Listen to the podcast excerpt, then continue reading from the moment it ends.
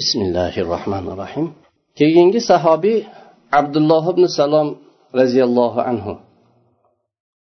Kim jannat ahlidan bir kishiga qarashlikdan xursand bo'ladigan bo'lsa abdulloh ibn salomga qarasin. Abdulloh ibn salomni o'zlarini oldingi ismlari husayn sod bilan husayn ya'ni himoyalangan qurshalgan degan. Bu kishi madinadagi yahudlarni ulamolaridan biri edi. Madina ahli har xil millat har xil elat bo'lishiga qaramasdan abdulloh ibn salomni juda hurmat qilishardi bu kishini ulug'lashardi. Odamlar o'rtasida taqvo bilan yaxshilik bilan solihlik bilan tanilgan va to'g'ri gapirish adolat va sodiqlik bilan sifatlangan xulqlangan kishi edilar. Husayn xotirjam bir orom hayot kechirar edi madinada. Lekin shu vaqtni o'zida u kishi juda ham jiddiy nihoyatda foydalik bir kishi edi. O'zini vaqtini uch qismga taqsimlagan edi bir qismini ibodatxonada nasihat qilib ibodat qilishlik uchun o'tkazardi. Yana bir qismini o'zini bog'ida xurmolarni kesib ularni changlatib daraxtlarni tuzatishlik bilan o'tkazardi. Yana bir qism vaqtini tavrot bilan o'tkazardi. Dinni yaxshi anglab dinda faqih bo'lishlik uchun. Tavrotni o'qir ekan makkada yuboriladigan payg'ambarni chiqishi bilan bashorat beradigan xabarlardan o'tgan vaqtda uzoq bu xabarlar ustida u kishi bahs qilib to'xtab qolar edi. Bu payg'ambar bilan butun o'tgan payg'ambarlarning risolatlari tamom bo'lib bu bilan yakunlanadi tugaydi degan xabarlarni o'qiradi keyin bu kutilayotgan payg'ambarni sifatlari u kishini alomatlarini yaxshilab shu tekshirar edi. Olim kishi shu dindagi ulamo kishi edi. Bu xabarlarni yaxshilab bu payg'ambarni sifati qanday bo'ladi? Ularni tekshirardi. Keyin u kishi o'zida yo'q quvonib xursand bo'lib ketardi. Chunki bu payg'ambar payg'ambar qilib jo'natilgan o'zini shaharini tashlab hijrat qilib shu madinaga kelib madinada o'zida bir hijratgoh o'sha yerda yashab turadigan joyi madinada bo'lishligi xabarini bu kishi topib o'zida yo'q xursand bo'lardi. Bu yerga kelar ekan deb. Mana bu xabarlarni o'qiganida yoki shu qalbidan shu xabarlar ketsa bu kishi ollohdan shu umrini uzun qilishlikni ollohdan so'rardi. Hatto shu kutilayotgan payg'ambarni chiqishiga guvoh bo'lsa u kishi bilan uchrashib bir payg'ambar bilan uchrashishlik bilan shunday baxtlik bu baxtga muyassar bo'lsa deb allohga duo qilardi. Va bu kishiga eng avvalda birinchi iymon keltirgan mo'minlardan bo'lishligini ollohdan duo qilib so'rardi. Alloh taolo bu husayn ibn salomni duolarini olloh ijobat qildi va u kishini umrini uzoq qildi. Hatto bu hidoyat rahmat payg'ambari makkada payg'ambar qilib yuborildilar. Va husaynga bu payg'ambar bilan uchrashishlik bu kishi bilan suhbat qilib sahoba bo'lishlik baxti bu kishiga yozilgan edi. Va rasululloh sollallohu alayhi vasallamga nozil qilingan haqqa iymon keltirishlik baxti bu kishiga taqdir qilingan edi. Endi so'zni husaynni o'zlariga beraylik bizga islomga kirish qissalarini o'zlari rivoyat qilib bersalar u kishini bu qissaga rivoyat qilishlari yana ham ishonchliroq va buni bizga rivoyat qilib berishlikka qodirroq u kishi bo'ladilar. Ya'ni o'zlari rivoyat qilib bersinlar. Kishi rivoyat qilib aytadiki rasululloh sollallohu alayhi vasallamni zohir bo'lib ya'ni u kishi payg'ambar bo'lganlarini eshitganimda men u kishini ismi nasabi sifatlari zamoni joylari axloqlari hammasini tekshirib o'rgandim. Keyin bu sifat bu holatlar bilan bizdagi kitoblarda yozilgan narsalar hammasi mos keldi. Ularni solishtiruvdim hammasi to'g'ri keldi. Hatto men bu bu zotni haq payg'ambar ekanliklariga qat'iy ishondim. U kishini da'vati sodiq ekanligini aniq isbotladim lekin buni yahudlardan sir tutdim. Tilimni gapirishdan bog'ladim. Keyin rasululloh sollallohu alayhi vasallam makkadan madinani qasd qilib chiqqan kunlari bo'lgan bu xabar bo'lgan vaqtda e, shungacha jim yurdi. Rasululloh sollallohu alayhi vasallam madinaga yetib keldilar. Birinchi kelib shu quboga kelib tushganlarida bir odam bizni oldimizga kelib odamlarni ichida rasululloh sollallohu alayhi vasallamni kelganliklarini e'lon qilib bir muhim xabar. Bir payg'ambar chiqibdi makkadan madinaga hijrat qilib hozir kelib quboga kelib tushdi deb xabarni e'lon qilib bir odam keldi. Shunda men bir o'zimni bir bog'imdagi xurmoni ustida edim ishlar edim.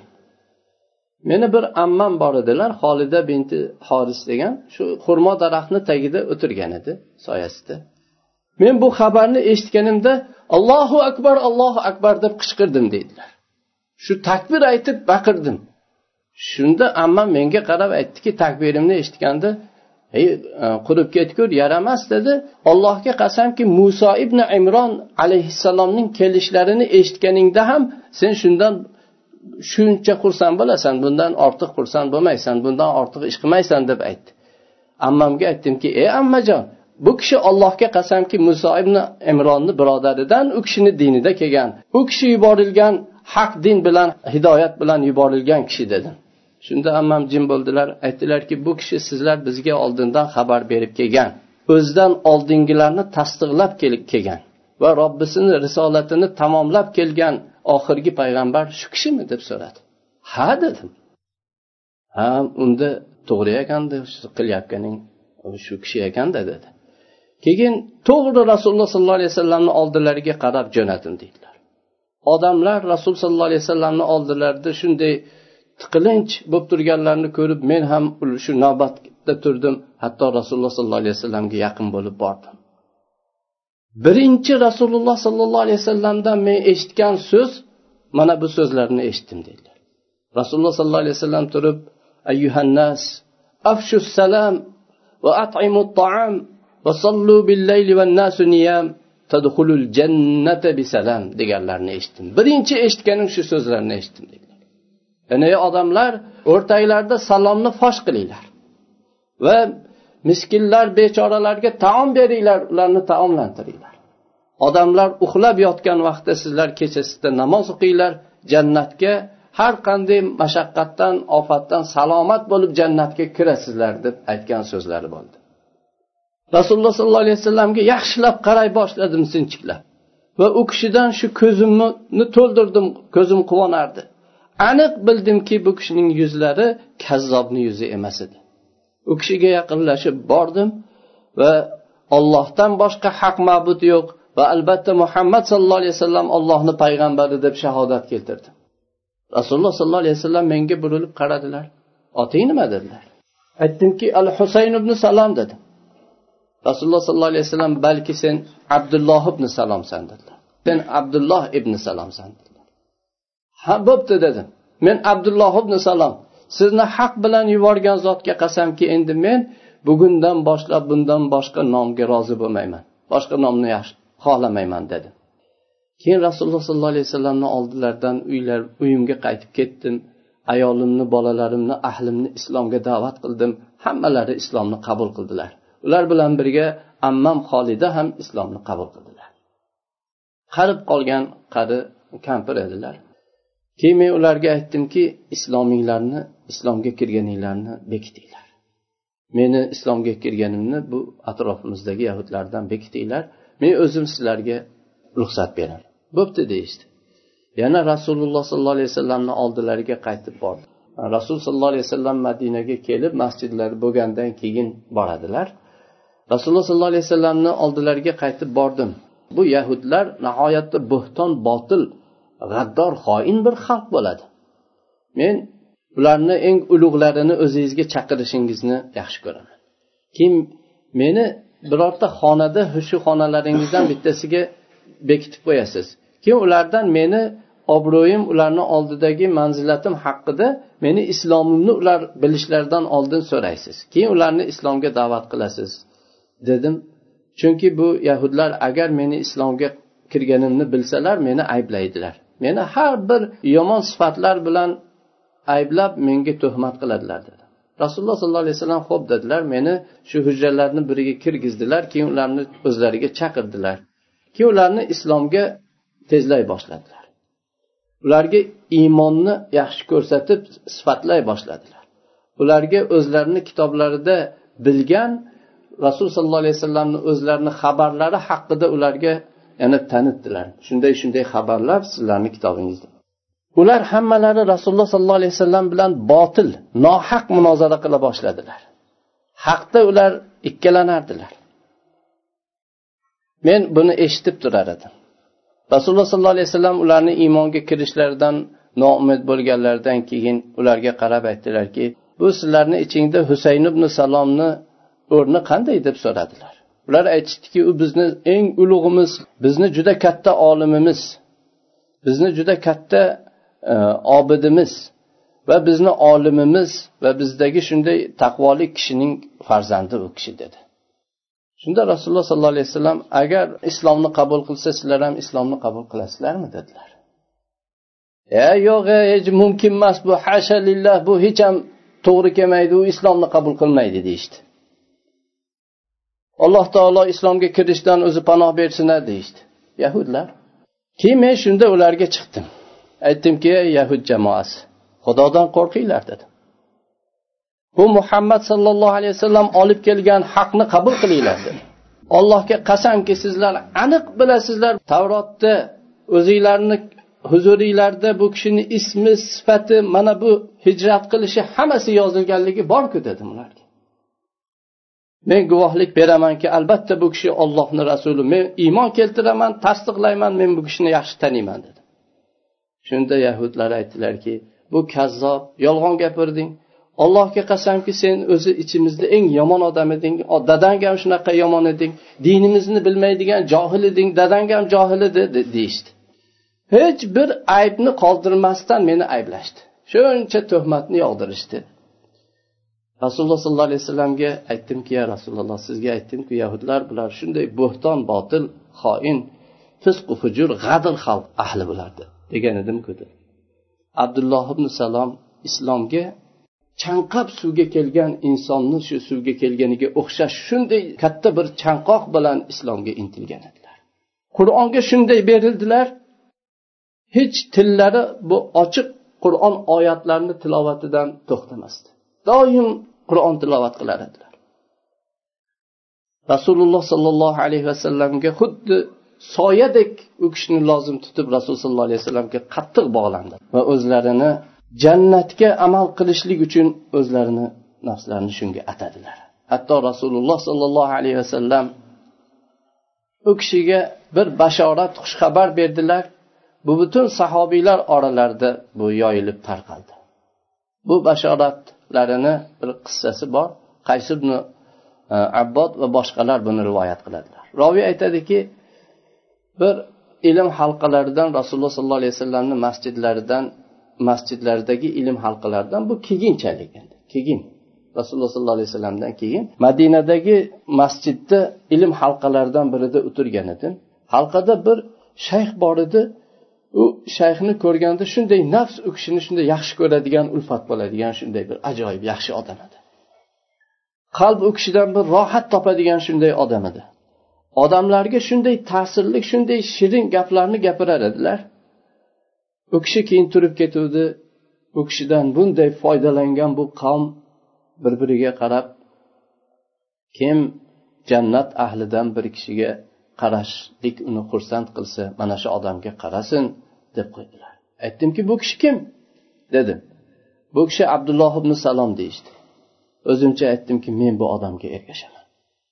Bilaychi buni nima xabari bor? Keyin u kishini sekin bildirmasdan orqasidan ketdi. U kishi ketdi madinadan yaqin chiqib ketdi bir chekkaga keyin uyi o'sha chekkada ekan uyiga kirdi. Men u kishidan chaqirib izn so'radim menga ham ruxsat berdi.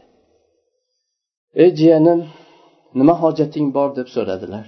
Aytdimki men qavmni siz haqqingizda masjiddan chiqib ketganingizdan keyin bir so'zni gapirganlarini eshitdim. Kim jannat ahlidan bir kishiga qarashlik uni xursand qilsa mana shu odamga qarasin dedi. Shunga izingizdan men ergashib keldim. Sizni xabaringizni bilay deb odamlar sizni nimaga bu jannat ahli deb taniydilar shuni bilay deb keldim. Shunda u kishi aytdiki ey o'g'lim jannat ahli kimligini olloh biladi. Ha to'g'ri dedi. Lekin odamlarni bu aytgan so'zlarini bir sababi bor. Bekorga aytmaydilar bu ashoblar ya'ni. Buni sababini senga gapirib beraman dedi. Ha gapirib bering olloh sizni yaxshilik bilan mukofotlasin dedi. Keyin aytdilarki men bir kun dam olib uxlab yotgan edim. Rasululloh sollallohu alayhi vasallamni davrlarida tush ko'rdim. Tushimda bir odam keldi. Aytdiki tur dedi. Men turdim. Keyin qo'limdan ushladi. Shunda men bir chap tarafimda bir yo'lni ko'rdim. Men shu yo'lniga yuraman bu tur dedi deb shu yo'lga yurmoqchi edim. Menga aytdiki bu yo'lni tark qil bu yo'lga yurma. Bu yo'l senga emas dedi. Keyin o'ng tarafimga yorug' bir yo'lni ko'rdim. Mana bu yo'lga yur dedi. Men shu yo'lga yurdim. Yurib bu yo'ldan bir nihoyatda bir keng nihoyatda bir sokin chiroyli bir qushlari bor bog'ga kirdim. Yam yashil shunday go'zal bir bog' edi. Bu bog'ni ustida o'rtasida bir temirdan ustun bor edi. U ustunni asli yerda edi oxiri osmonga yetgan edi. Oxirida bir oltin halqa bor edi. Haligi odam menga aytdiki aytdiki bu ustunga chiq dedi. Men aytdimki men bunga chiqolmayman keyin bir xizmatchilar kelib meni ko'tardi. Bular yordam yordam qildi. Men chiqdim. Hatto shu ustunni oxiriga yetdim. Yetib haligi halqani ikki qo'lim bilan shunday mahkam ushladim. Shunga osilib qoldim. Ertalab turuvdim. Bu ertalabda rasululloh sollallohu alayhi vasallamni oldilariga keldim u kishiga shu tushimni qissasini aytib berdim aytdilarki ammo sen bu chap tarafingda ko'rgan yo'l bu ashabu shimol jahannam ahlini yo'li bu. Ammo sen bu o'ng tarafingda ko'rgan yo'l bu qur'onda ashabul yamin deb zikr qilingan zotlar yo'li jannat ahlini yo'li bu. Sen bu yo'lga yurding. Ammo sen shu zavq qilgan uni bunday go'zalligi yam yashilligi bilan seni shu shavqing kelgan bog' bu islom bog'i. Ammo bu bog'ni o'rtasidagi ustun bu din ustuni. Halqa bu urvatul vusqo la ilaha illalloh tavhid shu mustahkam dastadir. Sen vafot etguninggacha bu urvatul vusqoni mahkam ushlashlikda davom etasan deb aytgan edilar buning sababi shu deb u kishi qissa qilib berdi. Ya'ni bu yahud millatini ichidan alloh taolo bu kishini shunday hidoyatini xohlagan shunday zotlar. Alloh taolo butun musulmondan musulmonlardan islomdan alloh taolo u kishiga yaxshi bir mukofot bilan mukofotlasin. Alloh shu zotlarni muhabbatini bizga nasib qilsin. Ularni muhabbati bilan biz robbil olaminga yaqin bo'laylik alloh taoloni yaxshi ko'rgan iymon keltirgan ya'ni bularni muhabbati ollohu rasuli uchun bo'lgan muhabbat bo'ladi shu muhabbatni alloh bizga nasib qilsin سبحانك اللهم وبحمدك أشهد أن لا إله إلا أنت أستغفرك وأتوب إليك السلام عليكم ورحمة الله وبركاته